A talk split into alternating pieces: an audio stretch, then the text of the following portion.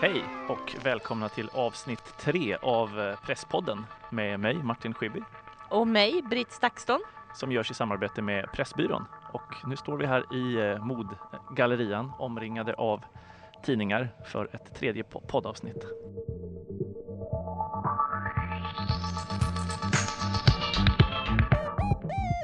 Hur har din vecka varit?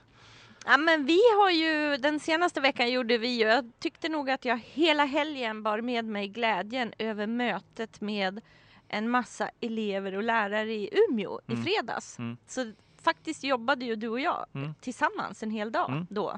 i vårt skolprojekt ja. Mm. Där en, eh, eller 20 skolklasser som är pilotklasser ska vara med mig under nästa reportageresa eh, bakom kulisserna i en stängd Facebookgrupp eh, och vara med och ta fram journalistiken tillsammans. Projektet föddes ju ur en idé att vända på berättandet, att inte bara komma ut till skolorna med ett färdigt eh, koncept och visa bilder och så här var och så här är det, utan att börja med ett blankt blad eh, och, ett, och ett land och säga vad, vad vet vi om det här?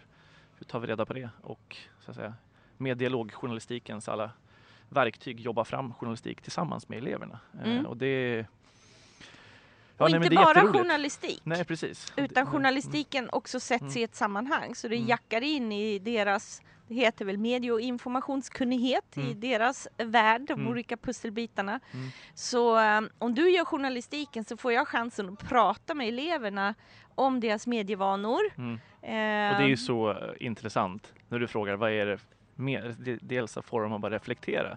Vad är det första ni tittar på morgnarna?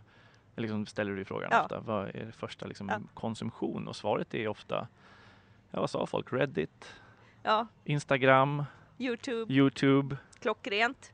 Det var ju det första som kom och det tycker Ja. jag är roligt när man då ska koppla det till när man själv pratar om digitaliseringen och Mm, sociala mm. medievanor. Då brukar Mm. jag ju alltid prata om fönstret mot internet och lusten att förstå. Vad är just min målgrupps fönster mot internet? Mm, Och så mm, brukar jag betona Youtubes betedelse. mm. Och då är det ju klockrent att det var det första svaret Mm, också. mm. Så. Men sen sa Eh. många Snapchat, men det såg de inte direkt som en mediekanal. Nej. Nej. Utan det, men ja, det använder de ju. Men, Ja, och de, eh, deras första uppgift efter Mm. att vi har träffat dem, eh, det är ju att logga en eh, mediedag. Mm, Och mm. det kommer bli väldigt, väldigt roligt. Och den övningen syftar ju till att väcka insikt om att man både konsumerar medier idag, Mm. eh, men att man också producerar. Mm. Så att man eh, skiljer mellan det jag själv läser i flöden och konsumerar på olika sätt och vis. Lyssnar, tittar, ser till det jag producerar. De statusar, de bilder, de eh, videosar man gör eller Mm, så. mm. Och det kommer, ja det blir väldigt, väldigt kul att börja få svar och få en sån här dagsaktuell eh, eh, röst eh, hela tiden mot, mot marken om vad som Mm. rör sig och hur man tänker och kanske hur det skiljer sig i olika städer, regioner av landet. Mm. Nu är det också sitta i ett menar, västafrikanskt land och googla på någonting och så kan man samtidigt sitta i en skola i Umeå och googla på samma sak. Mm. Och så ser man vad man får för träffar. Mm. Det,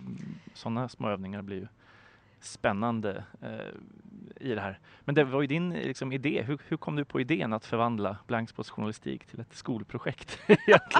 Jag Nej, minns att när du ja, kom med idén, vi borde ansöka om att ja, men det, där handlade det väl också att eh, inspireras av din lust att faktiskt möta läsarna. Mm, jo, att man Eh, gör mycket och att skolbesök och, du är är ute mycket på Beredd skolor. att Mm, att mm. göra det. Och, Jo, jo. och det kändes som, hur kan vi levandegöra den här teorin, medie och informationskunskap? Mm, mm. Eh, Eh, och då att verkligen få följa dig i fält och förstå de val du gör. Det tror vi ju ehm, att det faktiskt är att vaccinera. De tyckte det var lite roligt när vi sa Mm, nu får ni mm. ett vaccin av oss Mm. för att inte ifrågasätta medier utan se det som det centrala fundament i, i demokratier. Eh, och, och, och det är ju en ny komponent vid sidan av att just nu tror jag alla sliter sina hår och försöker komma på med kreativa idéer om hur ska vi hantera frågor om fejknyheter och källkritik och så. Mm. Eh, och, och det blir ju resurser som vi kan peka på för fördjupning och även mycket bra material som redan finns. Men här Mm, mm. den, den riktigt eh, speciella, unika komponenten är ju att få, bör, få följa dig från början Mm, till mm. slut. Och du kommer ju komma tillbaks till eleverna efter Mm, precis avslutad. efter resan och Ja. knyta ihop säcken. men, och det var också många som sa att om vi får lära oss att källkritik är viktigt, jaha men sitt i en konkret situation då och Mm. avgör så att säga. Mm. Vem ska vara med i reportaget och inte Mm. och ta de etiska besluten Mm. kring risker med namnpubliceringar och annat för demokratiaktivister. Och, ja, det ska bli väldigt spännande. Mm. Och allt är ju den här andan att vi Mm. vill ju, eh, förutom att ni producerar fantastisk journalistik så vill vi ju så ett frö om att det är nog vi medborgare, vi konsumenter av medier som ska slåss för journalistiken. Ehm, och, och fortsätta kräva den, reagera när redaktioner läggs ner och så. Och det, Mm. det här hoppas vi väl att det är den styrkan vi ska ge alla de som vi möter i det här projektet. Det är ju inte bara eleverna, det blir lärarna Mm, och sen mm, i den här avslutande föreläsningen så är det ju absolut möjligt att bjuda in hela skolan mm, och mm. så. Ja, verkligen. Jo, hur lärarna såg möjligheter och någon tänkte att här kan vi få in lite franska och här kan vi få in liksom, historia och svenska och Mm. geografi. och Identitetsfrågor. identitetsfrågor. Ja. Precis, komma som vit utrikeskorrespondent Ja. till ett land. Den traditionen och det ansvaret. Och fallgropar och möjligheter. Alltså det, ja, Mm. jättespännande. Mm. Diskussioner kan ju användas till av skolorna på Mm. olika sätt. Men vi var i Ja. Umeå och på kvällen så hade du din sista, för nu i alla Ja. fall, föreställning Ja, av eh, Kaliti. Eh, det var väldigt speciellt att säga repliker för, för sista gången. Eh, Var det en extra energi då, eller hur blir det? Eh, föreställningen blev, den blev bra. Liksom. Det är alltid att... Eh, men nej, det var lite dubbelt eftersom vi ska göra det i Almedalen också. Så Mm. var det så här, men det här är sista gången, men ändå inte sista gången. det här är sista gången, men ändå inte sista gången. Så det var en sån lite, ah, tweak, Lite skön i hjärnan. avslutning, Att, ja, det var lite skönt. så här- Att, så här, till slut, men vi ska Ja. ses igen. Ja, eh, Vi ska är glada att du är tillbaks på redaktionen. Ja, det ska bli sjukt kul att eh, och, eh, vara tillbaks 100% på Blankspot. Jag har ju i princip varit eh, borta från Blankspot i två månader och Mm. det har ju man känt en, en frustration över, även om det här har varit ett projekt som jag pratade mycket om den i förra podden, men som känns som att det har landat väldigt fint och som har betytt så väldigt mycket för de som skrev texterna. Mm. Eh, så det har varit fantastiskt att få ja, crash course i teater och scen, scengestaltning. Eh, men jag har fått också många tips på hur man, alltså av de här skådespelarna, de är ju Alltså gå upp på en scen och levererar fantastiskt så här, kväll efter kväll efter kväll och så men ibland är man ju piggare, ibland är man tröttare. Så Jag stod ju här och vrålade innan att jag var på dåligt humör. Ja, vi sa att det blir the angry pod. Men att man, hur gör man då? Liksom, Ja. att, och då var deras knep att inte själv försöka liksom, tvinga fram en energi utan att då skulle man istället lyssna jättenoga på vad alla andra säger och så ta deras kraft. Alltså att man lyssnar på vad säger de andra på scenen och, och liksom verkligen är närvarande. Eh, och det funkar faktiskt. Så det har varit en väldigt bra Så då blir man i den situationen man blir i den igen. situationen igen, ja. Och inte här sitter jag på en scen och det är väldigt konstigt och läser i något papper. Utan, eh, nej men det, det har verkligen varit ett bra närvaroknep. Mm. Att säga, men, okej jag är inte riktigt här, vad gör jag? Jo, jag börjar lyssna. Eh, så, så hamnar man i stunden. Och det har väl hela, om det har liksom gett något man har med sig från de här två månaderna så är det också att teatern kräver en sån fruktansvärd närvaro. Alltså det är som en lång, lång livesändning som bara pågår och pågår och pågår. Även om du inte säger någonting så är det ju så att säga, på scenen och måste vara så närvarande hela tiden. Eh, som har varit väldigt spännande. Bra tror jag för mig som kan vara lite frånvarande. Ja. Ja. och, och rensa lite att du inte är uppkopplad hela tiden. Ja, jo, verkligen. Du är ju expert på multitaska. Ja, men det har varit väldigt nyttigt. Jag kan rekommendera. Gör turnéer med Riksteatern. Ja. Lär dig massa tips och tricks. Ja, ja. Men du, ska vi ehm, titta på det roliga segmentet Mm. som är lite så här julafton för oss båda. Det är ju att Presspodden görs tillsammans Kaffe med Pressbyrån Ja. och vi får kaffe. Och tidskrifter. Jag Ja. tänkte det är helt galet. Det är som en bara, äh, jag kan knappt tro att det är sant. Och då Ja. har jag, jag har bläddrat lite förstås och man Ja. vill egentligen ta med sig allt. Ganska klassiskt om jag skulle ha valt Mm. MIT's Technology Review. Självklart så här, 10 breakthrough technologies. Mm. Den skulle lätt kunna hamna i min rygga på väg någonstans. Mm. Eller en liten rolig, eh, fet, fin tidskrift om sneakers. Mm. Men det blev det inte, utan jag valde för en Esquire. Och det handlar lite om att testa, om du har sett det flyga förbi. Omslagsmannen på Esquire är James Corden. Har du sett kalsongreklamen som han och Beckham gör? Nej. Måste du titta Ja, på. ja. Eh, så jag tog den för den skull. Liksom. James Corden är ju för himla charmig. Eh, eh, väldigt känd för de här, eh, han kör ju bil och Mm, sjunger mm, mm. ihop med artister. Eh, m- men eh, också som den talkshow-värd han är. Men reklamen måste du titta på. Det är en, eh, en kalsongreklam. Och du kan ju föreställa dig, de är båda nakna, de har två väldigt olika kroppar. Mm, mm.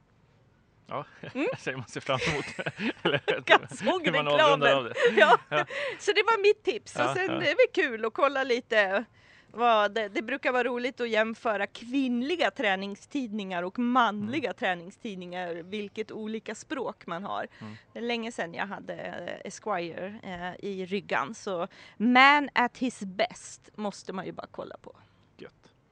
Jag, jag hade tänkt att jag skulle välja någonting lite oväntat och inte eh, liksom, ja, ta en, en filter eller och, liksom, ja, någon så här reportagetidskrift. Eh, så jag valde faktiskt Amelia.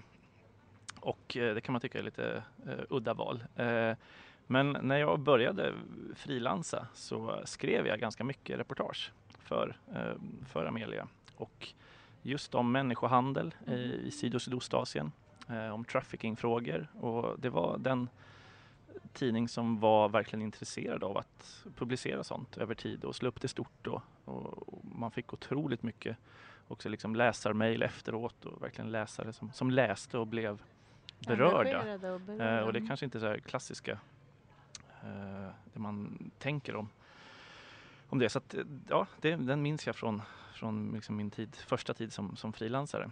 Eh, och sen såg jag vid tillfälle att Amelia Adamo var i Addis Abeba i Etiopien.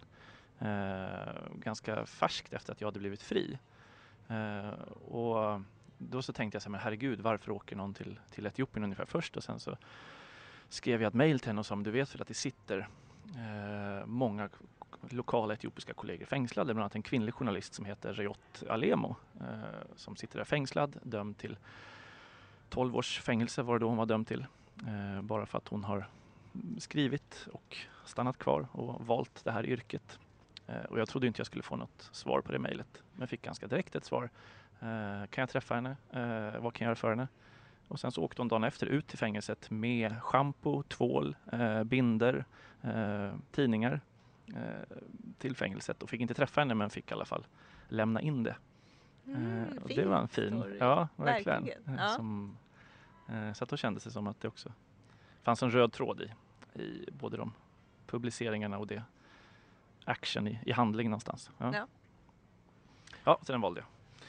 Ja, vad roligt. Det ser lite kul ut här på bordet. Du har Amelia, jag kör Esquire. Det är bra. Presspodden görs ju tillsammans med Pressbyrån och i vanlig ordning står vi i vårt mysiga lilla hörn med massor med eh, tidningar runt omkring oss. Eh, och med oss har vi Malin Lövgren som ju är chef för den här butiken. I, mod, Eller hur? modgallerian. Jajamensan. Köpman säger du gärna, Ja. men nu är- säger jag chef också. Ja, chef. Mm. Eh, Och idag är det måndag och när vi Ja. kom så var det en mängd eh, vagnar fullastade med tidningar. Mm. Och märktes på dig att det var en körig dag, måndagar. Det är, Vi har fått rycka dig ifrån ja, det är jättemycket tidningar som kommer just på måndagar. Mm. Eh, det kommer mycket tidningar på onsdagar också. Så vi får tidningar hela tiden kan man väl säga. Alltså var, Mm. nästan varje dag så får vi allt ifrån smått till stort. Men måndagar är en stor leveransdag. Mm. Så då är det viktigt och liksom just att jag pratar alltid om att tidningar är en färskvara. Det är precis som en smörgås som måste in i kylen. Det ska liksom upp på hyllan fort som bara den. Liksom. För kunderna vet ju om att deras tidningar är på gång. Mm, mm. Och det är fascinerande för man packar upp samtidigt som man står i kassan och du vet det är fyra minuter senare så är det en kund som har köpt Mojo eller amerikanska Vogue eller vad det nu kan Mm, vara för någonting mm, som ligger i leveransen. Hur många tidningar, hur många titlar har du här i din butik? Det varierar ju ganska mycket men vi säger väl i runda slängar två, ja, uppemot 2500 finns i sortimentet i Sverige. Det tycker jag är häftigt. Så du har i princip allt tryckt som Ja. förs in över landets gränser Mm. Precis. tidskrift. Ja. Det finns Ja, det är- några titlar som vi har valt att, ja, som kanske har försvunnit för att det har sålt för dåligt. Men då Ja. kan nästan inte vi heller sälja det så går det inte så bra för Nej. den titeln kan man säga. Och annars har du din skrivare. Mm. Annars har jag min skrivare för alla dagstidningarna. Ja, Mm. otroligt. Men en sak som blir tydlig när man står här, eh, här i vårt hörn så ser man att det är en massa baktidningar, eh, restidningar, är de segment som jag ser när jag kikar bakom Martin här. Det här med display, vad som eh, syns var. Hur ofta möblerar du runt? Hur ser den där processen ut tro? Eh, jag tror att eh, det är så här att en tidning får nästan aldrig en riktigt fast plats. Såvida inte det är riktigt stora titlar som är såna riktiga drakar som en Vanity Fair eller Monocle eller Economist. De står lite på samma plats så att en kund ska känna en trygghet. Hitta direkt Mm. dit. Ja, Som precis. mjölk. Men allt det här lullet och gullet runt omkring, de får gärna eh, variera sig. Så ställer, ställer vi upp en Donna Hay matmagasin, så när den kommer så hamnar den på bästa display, liksom full face som man säger, i, i, i tidningshyllan. Men sen efter ett par veckor så börjar den tappa i försäljning och då får den en sämre position, liksom lite längre ner. Och sen så just därför hela tiden kommer det nytt. Varje vecka kommer det nytt. Så att eh, på det sättet så finns det ingen riktigt, utan är väldigt rörlig eh, tidningshylla på det sättet. Så jag kommer se massa spännande nya saker bakom din rygg Ja. när vi poddar här de kommande veckorna. Ja. Ja, och speciellt sådana här mattidningar, de är ju så fantastiskt vackra. De jobbar ju så mycket med sin framsida. Det är underbart. Man känner att man borde laga mer mat än vad man gör. Alltså jag älskar ju mattidningarna. Eh, alltså jag har ju mina intressen, alltså det är att ut och resa, det är konst och det är att eh, laga mat. Och jag är ju helt hopplös. Jag köper massor med kokböcker, jag köper massor med mattidningar. Men sen är jag jättedålig på att laga, alltså, från, alltså receptet från A till Ö. Det är helt hopplöst. Jag måste titta på bilden och så blir jag influerad av det och så försöker jag laga praktiskt taget efter bilden. Så det visuella i mattidningarna, det är för mig mycket, mycket viktigare än alltså den faktiska receptet. Och det hör jag ofta att kunder säger att de känner likadant. Mm. Så det, det är väldigt viktigt, det Ja. visuella. Det är en konst också att fotografera mat. Mm. Alltså det är ju, du ska ju ha, vara särskilt eh, nästan utbildad för det. En Och egen by- disciplin. Ja men verkligen, jag träffade en matfotograf i, i Malaysia en gång som berättade om ja, att alltid det som ser ut som kaffe är alltid soja. Alltså så här, de har Ah. olika. Att det, Mm. riktigt kaffe ser inte bra ut på bild. Och just att mat lätt blir ja, det är svårt att fota, men det ser man ju på Instagram. Det är svårt att fota mat. Mm. Alltså, Mm. Ja. Många försöker många dock. försöker. Ja. Jag har Eh, lagt ner. det, ja, det är en konst i sig. Eh, Men Malin, vi säger stort tack för att vi får vara här och eh, stöka i din butik. Ni är alltid så välkomna. Det är så trevligt att ha er här. Tack så mycket. Tack så mycket. Ska vi ta in eh, dagens gäst? Det gör vi. Ja. Lisa Bjurvald. Hej! Hej, vad roligt att få prata med dig i det här sammanhanget. Ja verkligen, det känns jätteroligt att stå här med Blaggspot-mikrofoner på en pressbyrå. Lite speciellt. Och inte alls så hemligt som vi brukar ses mer på kontor och sådär. Nej. Precis, för du är ju blankspottare Visst är jag det, Mm. det är jag verkligen. och då i egenskap av delägare och du har precis kommit hem eh, från att ha eh, varit utsänd av Blankspot. Du har varit en månad i New York. Ja, precis. Jag har varit baserad där och gjort eh, lite olika avstickare runt östkusten. Eh, ett USA som ju på gott och ont är mer exotiskt nu i och med att Trump är president än vad det brukade vara. Så det är ju ehm, på gott som journalist därför att det var bara i stort sett att eh, gå utanför sin lägenhet som jag hyrde så fanns det liksom scoop och, eller stories i alla fall där. Eh, demonstrationer verkligen liksom. Eh, Reaktioner. Ja, och som jag pratade med andra journalister så, så skrek jag ju det någon gång uppjaget att det är ju som en godisaffär. Jag måste flytta hit därför att som journalist kan du bara gå ut och hugga en story och jag tänker liksom om man är frilans där eller du är utsänd korre på heltid ett år eller så. Eh, vilken guldgruva. Sen har du ju då när du kommer hem eller när du har skickat in en text eller gjort ett inlägg eh, i blankspotgruppen på Facebook så sjunker ju då naturligtvis nackdelarna av det hela in och det är ju att ja varför finns det så här många bra stories? Det är ju för att Trump hotar ju ja, det minoriteter, etniska minoriteter, sexuella minoriteter, kulturpolitiken är hotad, eh, immigration har blivit allt svårare. Eh, det är ju därför. Så på ett rent medmänskligt plan så skulle jag hellre vilja att det var USA av igår. Mm. Mm. Vad är det starkaste som du liksom bär med dig? Jag tänker du har ju mött en mängd människor, politiker, mm. forskare, internerade familjer. Eh, finns det någon sån där historia som som, som brände sig fast starkast hos dig? Ja, men jag måste vara lite långrandig och ändå mm. säga två mm, svar mm. här. För det första blir ändå en allmän känsla mm. av det här att människor håller på att rise up som de säger. Vi håller på att vakna. Eh, och att det blir eh, ett uppvaknande som vi inte har sett i USA för medborgarrättsrörelsen sedan 70-talet. Sen helt enkelt hippie-eran. Mm. Eh, att vanliga människor, inte bara universitetsstudenter som alltid kommer att vara engagerade oavsett om det är 68 mm, mm, eller liksom mm. vilket år. Utan helt vanliga småbarnsfamiljer har fått ett enormt politiskt engagemang. Eh, oavsett om du går in i en kyrka eller ett bibliotek eller i en designeraffär så står det liksom eh, insamlingsgrejer eh, framme vid kassan. Det är skriv på här.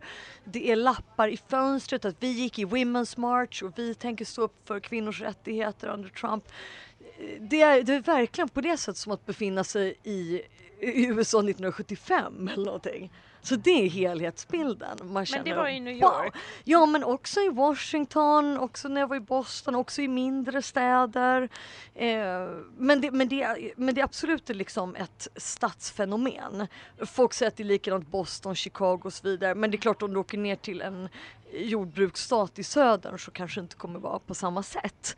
Men det är ändå mångmiljonstäder vi pratar om och, och det här engagemanget som bara sipprar fram. Eh, bokstavligt talat så att du kan inte gå ner på apotek och, och köpa liksom Alvedon utan att det är så här, det här kommer Trump göra mot healthcare. Eh, vi i det här apoteket står upp för det, vill du skriva under? Och det är det jag menar också med stories, ni förstår, det bara, det bara pålar ju. Men sen på en personlig nivå så är det ändå det som händer med pressfriheten. Mm. Så det passar ju bra att prata om i den här podden mm, idag. Mm. Eh, och det är ju just att träffa såna här människor som jobbar för till exempel Reporter utan gränser. Som är vana att bevaka journalistmord i Mexiko, delar av Latinamerika och så vidare som plötsligt har fullt upp på hemmaplan. Därför att man griper journalister som bevakar demonstrationer och behandlar dem som att de vore brottslingar. Mm, mm. Att, att liksom se chocken i deras ögon och att de inte riktigt vet hur de ska bete sig. Det var väldigt starkt och inget man trodde att man skulle se under sin eh, unga livstid i alla fall. Liksom kanske något man kan föreställa sig 50 år fram i tiden. Mm. Men inte att det gick så här snabbt. Det där tycker jag verkligen är någonting som, den där känslan över hur snabbt det har gått. Den har varit så väldigt talande de senaste månaderna oavsett liksom små tecken att vissa trender bryts och vare sig vi pratar Österrike, Holland eller nu Frankrike så får man inte glömma den, här, liksom den, den, andra bilden som ändå pågår och ändå tänka på att det var 11 miljoner som såg eh, andra alternativ i Frankrike. Exakt, och, och, jag tänker också lite på att man fortsätter i medierna att prata om tänk om och det som är på väg att ske och mm, hur kan det se ut i mm, framtiden. Mm, mm, Men när man har varit här så ser man att det här sker ju nu. Ja. En FN-rapport som inte alls blev uppmärksammad i Sverige konstigt nog som kom när jag var där i mars, eh, precis slutet av mars, eh, det var ju att deras oberoende utredare fann att eh, yttrandefriheten är under starkt hot just nu i USA. Återigen inte en sån här fem eller tioårsprognos prognos. Och då menar man då att i eh, hela 19 delstater så planerar man att införa lagändringar som direkt kommer påverka yttrandefriheten. Bland annat i en delstat att man ska kunna köra över demonstranter utan att straffas för det. Vilket låter som rena så här, eh, The Simpsons avsnittet när ja. säger det här. Ja, här för att det är så absurt men, men det är faktiskt Grand sant. Theft Auto, liksom. Exakt, ja. exakt. Den. Ja, eh, och så, så de här oberoende FN-utredarna de tvekar ju inte att säga att yttrandefriheten är idag under starkt hot i USA. Och när man, när man tänker efter lite att FN har kommit med en sån rapport eh, då tycker inte jag att det har skrivits tillräckligt. Mm, Jag, tror man- tycker ja. faktiskt att vi har varit en av de Mm, få mm, här Blankspot mm, som har uppmärksammat på något sätt både vidden och djupet av det, Mm, det mm. som sker. Mm. Men man märkte ju på pressfrihetsdagen hur många, både CPG och Reporter utan gränser, plötsligt så fanns det en ny ton i, i de här årliga rapporterna. Att de här pressfrihetens fiender som har varit, ja men, men som Putin eller drogkarteller i Mexiko eller plötsligt så var det liksom the enemy within på ett helt annat sätt. Alltså att vi Mm. står emot våra egna stater liksom, som aktivt bekämpar journalistik på olika sätt. Och då, menar, då hamnar ju allting i ett nytt, ett nytt ljus på något sätt. Då måste man ju tänka om hela, eh, eller jag vet inte hur, hur man slår vakt om, om journalistiken Ja och, framöver. ja, och det är jättesvårt. Och när man tittar på Reporter utan gränser, deras huvudkontor i Washington, så Mm. menar ju de att när det fanns saker de eh, reagerade starkt på hos Obama-administrationen så fick man ändå till stånd ett möte. Mm. Eh, Man kunde sitta där och eh, liksom lägga fram sitt case och det var på något sätt, för, för i brist på ett bättre ord så var det ju jämlikar. Alltså man Mm. hade en demokratisk motpart som, där samma grundförståelse fanns, att förtryck av det Mm. fria ordet är någonting negativt. Eh, Även om de sen ville hålla på att lämna ut vissa dokument eh, Mm. som de var väldigt dåliga på att göra. Då Obama-administrationen var också väldigt eh, kraftiga liksom, nedskärningar eller eh, angrepp på visselblåsare och liknande. Så fanns den här grundförståelsen. Den är utraderad nu med Trump-administrationen. Och det märkte man att, att de tyckte var väldigt obehagligt. För där blir det ju som att mattan rycks bort eh, under ens fötter. Och så upplever jag ju att det skulle vara om Sverigedemokraterna kom till makten i Sverige. Eh, att, att det här liksom kontraktet vi alla har om någon slags grundläggande demokratiska principer skulle man ju inte vara överens om. Därför att plötsligt skulle medierna vara eh, folkets fiende, som Trump har uttryckt det, med ett direkt citat från Stalin, oavsett om han vet det Mm. eller inte Mm. själv. Så har han ju använt exakt de orden. Så vad tar du med dig därifrån för vägen framåt? Här, hemma, nu? Ja, ja, först är det ju eh, en hel mängd varningar där den största varningen kanske är att eh, det här är vad som händer när högerpopulister får makten. Eh, ibland så spekuleras det ju mycket i om att det är bara retorik och man säger si och så. De kommer falla direkt när Ja, de de får kommer falla makten. direkt och, och så behöver det ju inte alls vara. Utan här såg man hur den retorik som Trump och hans anhängare hade använt under kampanjen verkligen blev eh, verklighet från dag ett när han installerades. Och eh, han nu kan göra sådana saker som säga att eh, nej, du hittar på den nyheter, det gillar jag inte så du är en dålig journalist och du får inte vara med på en pressbriefing. Rena eh, så här Nordkorea-fasoner i sin behandling av pressen. Och just hitta på uttryck som att eh, är det inte bra för mig, då är det falska nyheter. Som Reporter utan gränser sa att det här är ju något vi har sett i länder som till exempel Turkiet där man fängslar rekordmånga journalister. Att gillar man det inte så säger man att det är lögn. Och nu plötsligt så används det i USA.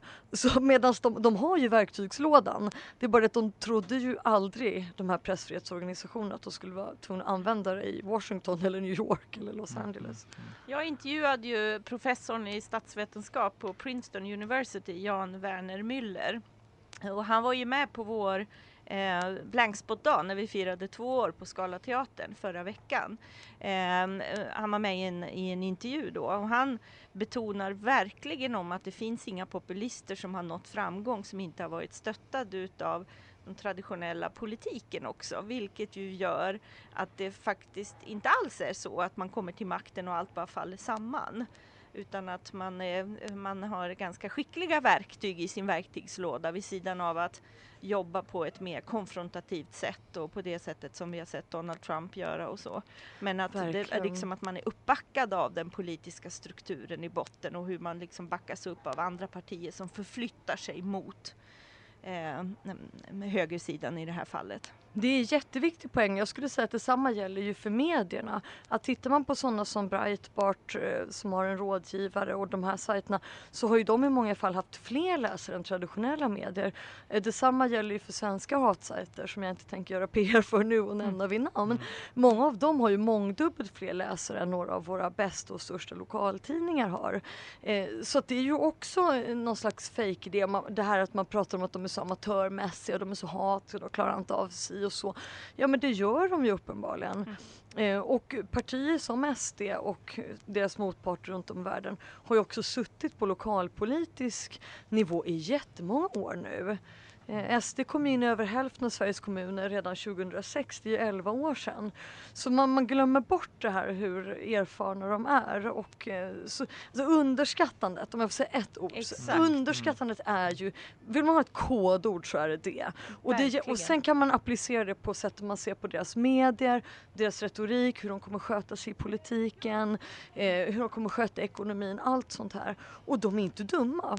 Titta på Donald Trump som inte har någon politisk erfarenhet. Ja men han omger sig ju naturligtvis med människor som har det. Sen kan vi tycka att de har liksom osmaklig erfarenhet eh, och är otrevliga liksom på vissa sätt. Men det är ändå folk som eh, kan sina områden. Så det är ju också så att de, de, tänk, de väljer ju inte andra amatörer om de skulle råka vara det själva. Men du, eh, innan, jag tror att vi kanske kommer tillbaka hit. För att när man hör dig prata så blir man ju väldigt nyfiken, särskilt i den här podden där vi faktiskt vill prata lite om engagemang, mod att stå för det man tycker, tänker. Eh, och både Martin och jag var lite nyfikna på i det här samtalet att hur var Lisa på gymnasiet? Eller sådär. Liksom. Ja, det är en väldigt lätt fråga för att jag hoppade av eh, en vecka tror jag, eller en månad innan jag gick ut ettan och började jobba på Expressen. Så there you go, som nyhetsreporter och kolumnist. Och hur Så ett vågar år- man ta det klivet? Ja men det, jag kan göra en, en jättekort anekdot. Jag var skoltrött, typisk sån person som inte passar in i svenska skolan. Eh, jag kunde säga så här, jag har läst den här boken. Kan jag få läsa en annan bok? Nej, du måste läsa den om och om igen. Alltså där man inte klarar av att möta eh, en person som jag som kanske har etta i matte och femma i svenska och engelska. Liksom. Eh, så, så jag var helt enkelt skoltrött och hittade inget eh, som lockade. Men då sa min rektor så att antingen så kan du gå klart skolan eller så kan du hoppa av som du tänker. Och då finns det bara ett jobb för dig och det är det som skolan kan ordna och det är som lövkrattare ute på Djurgården. Så, alltså. ja, jä- jättebisarrt. eh, eh, Norra Real var det här, mark my words. Ja, och då blir man ju jättesporrad Ja, naturligtvis. ja. Så då hade jag praoat på Expressen när jag gick i åttan. Fått testa nöjen, vilket Ja. gjorde mina klasskamrater väldigt avundsjuka såklart. Getingmärka Mm, olika mm. nöjen. Ehm, så då ringde jag upp dem och så lyckades jag snylta mig in. Och jag är ju lite av en sån här journalistromantiker. Så jag anser ju att det fortfarande borde vara så att man kunde komma in, eh, jobba sig upp och liksom visa framfötterna. Jag är lite emot det här med journalisthögskolor, att man ska lära sig. Jag, jag tror ju på det här, alla vi som kom in tjatvägen och lärde oss by doing. Men jag tror inte att det är en hel, eh, ganska många som har klivit in som har, har liksom haft med sig den digitala kunskapen och blivit journalister och Kanske, kanske, men jag känner att det var lite, det var lite jag som var den sista generationen där. Det var också vi som hade den här sista möjligheten med så kallad 25-4. Det var att man skulle ha minst fyra års yrkeserfarenhet och du skulle vara, det var året du fyllde 25, då fick du komma in på universitet och högskola. Så jag läste ju senare statskunskap. Återigen en sån där möjlighet för oss Mm. som ville gå olika Just. alternativa vägar som man sen tog bort från svenska högskolor. Så jag tycker man har streamlinat och gjort det mycket smalare i både högskola och Mm. yrkesliv i Sverige. För alla oss konstiga missanpassade som ändå lyckades Men den där in. eh, rektorn eh, Ja, med lövkrattningen, fick Ja. han dina första krönikor eller? Eh, hon fick min första löpsedel som kom två veckor, eh, nej inte två veckor, två månader var det, så snabbt gick det. Två månader senare då jag ledde en stor antivåldskampanj över hela landet som hette Släng kniven. Och då stod jag på löpsedel så. Lisa Bra 17 år och förbannad släng kniven. Då skickade jag den till rektorn. Men inget ord om, om hon tyckte att jag skulle fortsätta med lövkrattningen. Eller. Så, så var det. Intressant att jag tog för givet och såg framför mig en man och så blir det nästan ännu värre Ja. att det var en kvinna. Ja visst. Men då eh, för det ju ändå osökt in på ehm, eh, apropå att våga ta plats och eh, engagemang. Eh, det, det är ju någonting eh, du har med en fas reagerat mycket och ofta över. Liksom. Ja. Så den här branschen och, och kvinnor versus män. Jo men så är det och jag tycker att eh, sorgligt nog ju mer man rotar i såna här saker, folks personliga bakgrunder så hittar man ju eh, ganska många förtryckande kvinnor också. Jag vet min egen mamma som har varit en stor förebild för mig och har varit eh, VD och, och specialist inom andra områden, bland annat psykiatri. Hon fick ju höra det när hon var tonåring att eh, du som är så blond och vacker, ska inte du eh, bli eh, Värmlands Lucia istället för att utbilda dig till psykolog? Också det av kvinnliga syokonsulenter. Så Man skulle liksom, vilja fånga upp sådana här citat. så, så jag tror att det kan vara, ja, men så det kan nog vara fler av vårt eget kön tyvärr, som, oavsett om det är välmening eller avundsjuka eller bara okunskap ändå har utövat lite förtryck tror jag. Ja, förtryck är nog eh, könsneutralt. Men ja. det är intressant hur, eh, hur man ibland lyssnar eller bara tar för givet eller så. Men eh, det, det, var värt att poängtera just också för mm. att du du har ju tidigare haft en podd ihop med Margrethe ja, Atladottir. precis. Ehm, och eh, där pratar ni ju jättemycket om det, hur mediebranschen nu fortfarande ja. har jättestora problem med det. Ja, så är det. Så är det. Och det är fortfarande så eh, när man nominerar till olika grävpriser och liknande att man automatiskt tänker mer i termer av hårda manliga ämnen som gängkriminalitet och liknande när man skickar in tidningens bidrag. Och sen kanske någon som får tjata och säga ja men det där som jag avslöjade då eh, med eh, en dold kvinnosjukdom eller inom hälsovården och liknande som anses lite mjukare. Då, ja just det, ja, det var väl också ett slags gräv. Har det hänt då att manliga grävchefer har sagt ja men det kanske vi också ska nominera. Eh, och, och, och, det finns liksom de där strukturerna. Du åker på en årlig grävkonferens där, där är, man kan skära testosteronet i luften så ser man liksom vad det är för hierarkier mm. som finns. Jag tänker, hela ditt engagemang så har du också fått mycket mothugg och stått upp för det. Ja. Och nu liksom, i dagarna eller under våren så har också pågått en rättegång. Eh, ja. Där och eh, eh hur jag är bara nyfiken på, har du vid något läge känt så här att nej, nu är priset för högt. Nu är liksom hatet eller hoten eller, eller så för, för mycket. Nu, nu struntar jag i den här Nej, men alltså jag, jag har absolut känt så att nu mm. måste jag ta lite time-out. Alltså mm. någon gång mm. när man har en, eh, när allting eh, kolliderar samtidigt. Det kan mm. då handla om att man har en bok ute om nynazism och sen hör man en eh, debattartikel som blir enorm och sen är man med i ett stort debattprogram. Alltså när, när det har varit sådana där tillfällen som jag alltid försökt undvika men ibland så kolliderar ju alltid i alla fall. Något blir större än vad man har tänkt. Någonting blir delat på vissa hatsajter eh, och plötsligt så blir någonting jätteaktuellt. Eh, då har jag ju definitivt tänkt att nu är det inte läge att gå ut med en till debattartikel om det här ämnet mm, mm. utan nu så backar jag och skriver om lite andra ämnen i någon mm, månad. Mm. Och jag håller ju fast vid att det inte är självcensur utan att det är någon slags här, normal journalistreglering mm, man får man får köra på av, av ren självbevarelsedrift och det tror jag att många gör. Eh, att man ligger lågt i perioder och sen sticker man ut hakan och sen blir för tufft så kanske man fokuserar på något annat. Mm. Um, för det ju, men, det, men samtidigt är det också bra för skrivandet. Alltså det är inte bra att nörda in på ett område för mycket och Nej. man kan ju också bli rabiat och, och inte se nyanser och liknande. Mm. Så det, det är väl ett bra tips till andra journalister också tror jag. Mm. Att, uh, oavsett vad man skriver om så kan det vara bra att ta en paus och göra något helt annat. Alltså det behöver inte vara så att man skriver om knyppleri men mm. sen man har ett samhällsengagemang, nej, man kanske skrivit om mm. mm. liksom en viss, eh, men som man skrivit om mc-gäng då och jävligt mycket och så kommer det hot och hot mot ens familj och så mm, vidare. Jaha men då kanske man kan eh, skriva om eh, någon annan del av den kulturen eller något annat liksom nyhetsbaserat. Det kan fortfarande vara gräv men det behöver inte vara att man riktar in sig just på de gängen. Så, jag, så det är viktigt, det här är verkligen en intern journalistisk diskussion men ofta så framstår det som att det är två val. Alltså antingen är det mm, mm. självcensur eller så skriver om det dygnet runt mm. oavsett pris. Alltså det finns ändå ett mellanläge här mm. där man kan tänka lite strategiskt. Mm. Men känner du, för nu har det ändå blivit eh, liksom, rättsvårdande myndigheter tar det mer på allvar idag ja. än när, liksom, när du började eh, ja. poängtera bristen på polisiära insatser och annat. Ja. Eh, tycker du att finns det mer som, som polis och andra skulle kunna göra? Eller? Alltså det är ju fortfarande det här med fällande domar och vi vet Mm, ju inte mm. det just nu när Nej, vi det spelar i- in, hur nej, det precis, går i nej. mitt fall.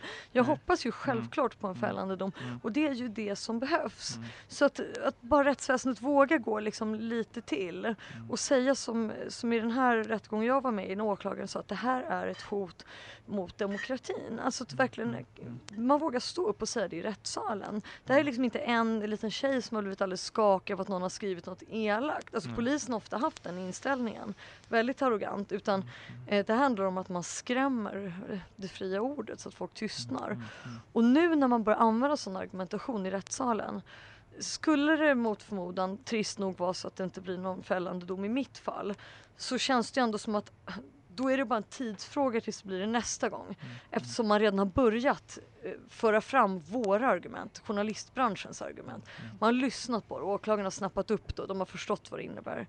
Eh, 89 procent av alla journalister i Aftonbladet som har skrivit under eget namn har utsatts för hot, kom det en undersökning nu idag. Mm. Det är en siffra som är helt ofattbar Helt. alltså. Mm. Mm. Ehm, och då får man tänka på att det är ett jättelikt mediehus. Mm. Och under namn. Alltså då är det inte bara Alltså då kan de ha skrivit om så här, trav eller fotboll eller något annat där de har upprört folk. Det är inte nödvändigtvis att de har granskat just knarkgäng eller någonting. Men jag tror verkligen att det måste till liksom domar och stat, stater måste ta ansvar och inte bara Alltså, det handlar om Sverige men också om man tar globalt med problemet med fängslade, och vi inne på Turkiet innan och liksom kidnappade och skjutna journalister. Att det är också stater som begår liksom ett angrepp mot, mot demokrati någonstans när man ger sig på journalister. Men Mm. så är det ju inte. De staterna dras ju inte inför ICC i Haag utan det är ju inget liksom, brott att ge sig på en journalist mer än att ge sig på en vanlig civil på något sätt. Och här skulle jag väl också vilja se liksom, en skärpning internationellt. Det Mm. vore ju intressant om man kunde dra liksom säga, men det här är ett brott mot Ja, ett brott mot mänskligheten. Det låter ju Mm. väldigt grandiost. Liksom. Mm. Men att Mm. ändå att man sätter ner foten och säger det. Att ge sig Mm. på en journalist är att göra det. För att man förvägrar människor kunskap, man, man, man skrämmer till självcensur. Att Mm. man skulle också Mm. kunna dra stater inför rätta för att Jag tycker det är jätteintressant. Det är det man pratade om med det här med mordet på Saida Catalan till exempel. Mm. Att eh, Mm. hjälparbetare och journalister brukade vara fredade i krigszoner. Mm. Men det som hänt är att både journalister och hjälparbetare plötsligt har blivit villebråd. Mm. Och att det Mm. bara hänt under de senaste 5 till 10 Mm. åren. Att det är helt Mm. nytt. Mm. Eh, det är också en extremt oroväckande utveckling. Så som du säger så är det ju eh, det räcker ju liksom inte att vi pratar om det i våra poddar och på våra eh, fackföreningsmöten och liknande Mm, utan det mm. måste ju upp på mycket högre nivå. Mm. Man måste gå från att bara räkna de döda till att faktiskt det krävs någonting mer. tror Ja. också i hela pressfrihetssamfundet. Mm. Men jag tänker, du pratade här om behovet av att kanske göra något annat också för att kunna skriva bättre eller ta omtag på det man håller på med just nu. Mm. Du har ju en helt annan karriär vid sidan av journalistiken också. Ja. Ja, Ja, det du är författare Ja, och eh, kommer Det- snart med ytterligare en bok i din deckarserie. precis, precis. Eh, och jag är ju också nu sedan en månad tillbaka ny chefredaktör för Författarförbundets tidning Författaren. Just. Vilket är väldigt Mm, roligt som jag håller på och uh, ilar ut till tryckerier och gör om ny form och Mm. format och gör det riktigt journalistnördig när man får lukta på papper och mm. trycksvärta bortom den digitala sfären. Riktigt Ja, hantverk. Så härligt att stå just Ja. här i Pressbyrån. Jag har Ja. svårt att inte snegla och titta på vilket matt omslag är nu jag har valt. Ja, och du får ju innan du går härifrån ska du ju välja din alldeles Åh, egna perfekt. här. Åh, du är vad bra. Ja, men det var ju perfekt. Då, då tar jag nog någon kulturtidskrift och låter mig inspireras lite grann tror jag. Ja. Nej men det är, ju, det är ju jättespännande. Det är ju formellt på halvtid men det kanske det Mm. blir tror jag till tredje numret eller något. Tills dess är det ju absolut ett heltidsjobb. Mm. Så det är skitspännande och det är ganska häftigt eh, när man är chefredaktör för då får man ju också gå utanför sig själv. Uppmärksamma nya medlemmar, eh, vad de har på gång, litteraturfestivaler Mm. runt om i Sverige eh, och bara skriva om andra. Det är ingenting om en själv, tycker jag är jätteskönt. Mm. Jag tror efter, efter, efter ett tag, ju längre man har jobbat, desto mindre sugen blir man ju liksom på att höra på enbart med egna krönikor och, och sånt där. Utan då vill man ju faktiskt bara rota i andras liv tycker jag. Mm. ja, Ja, Mm. tusen tack. Ja men tack Ja. för att jag fick vara med. Ja. Verkligen. Roligt. nu får du gå ut och botanisera. Ja men jag ska göra det. En, vi har en liten grej som vi glömde, Ja. som vi alltid är nyfikna på och Mm. har tänkt fråga alla. Det är Mm. hur ens egna alltså medievanor ser ut. Ja, det är ju bra Alltså hur fråga. håller du koll?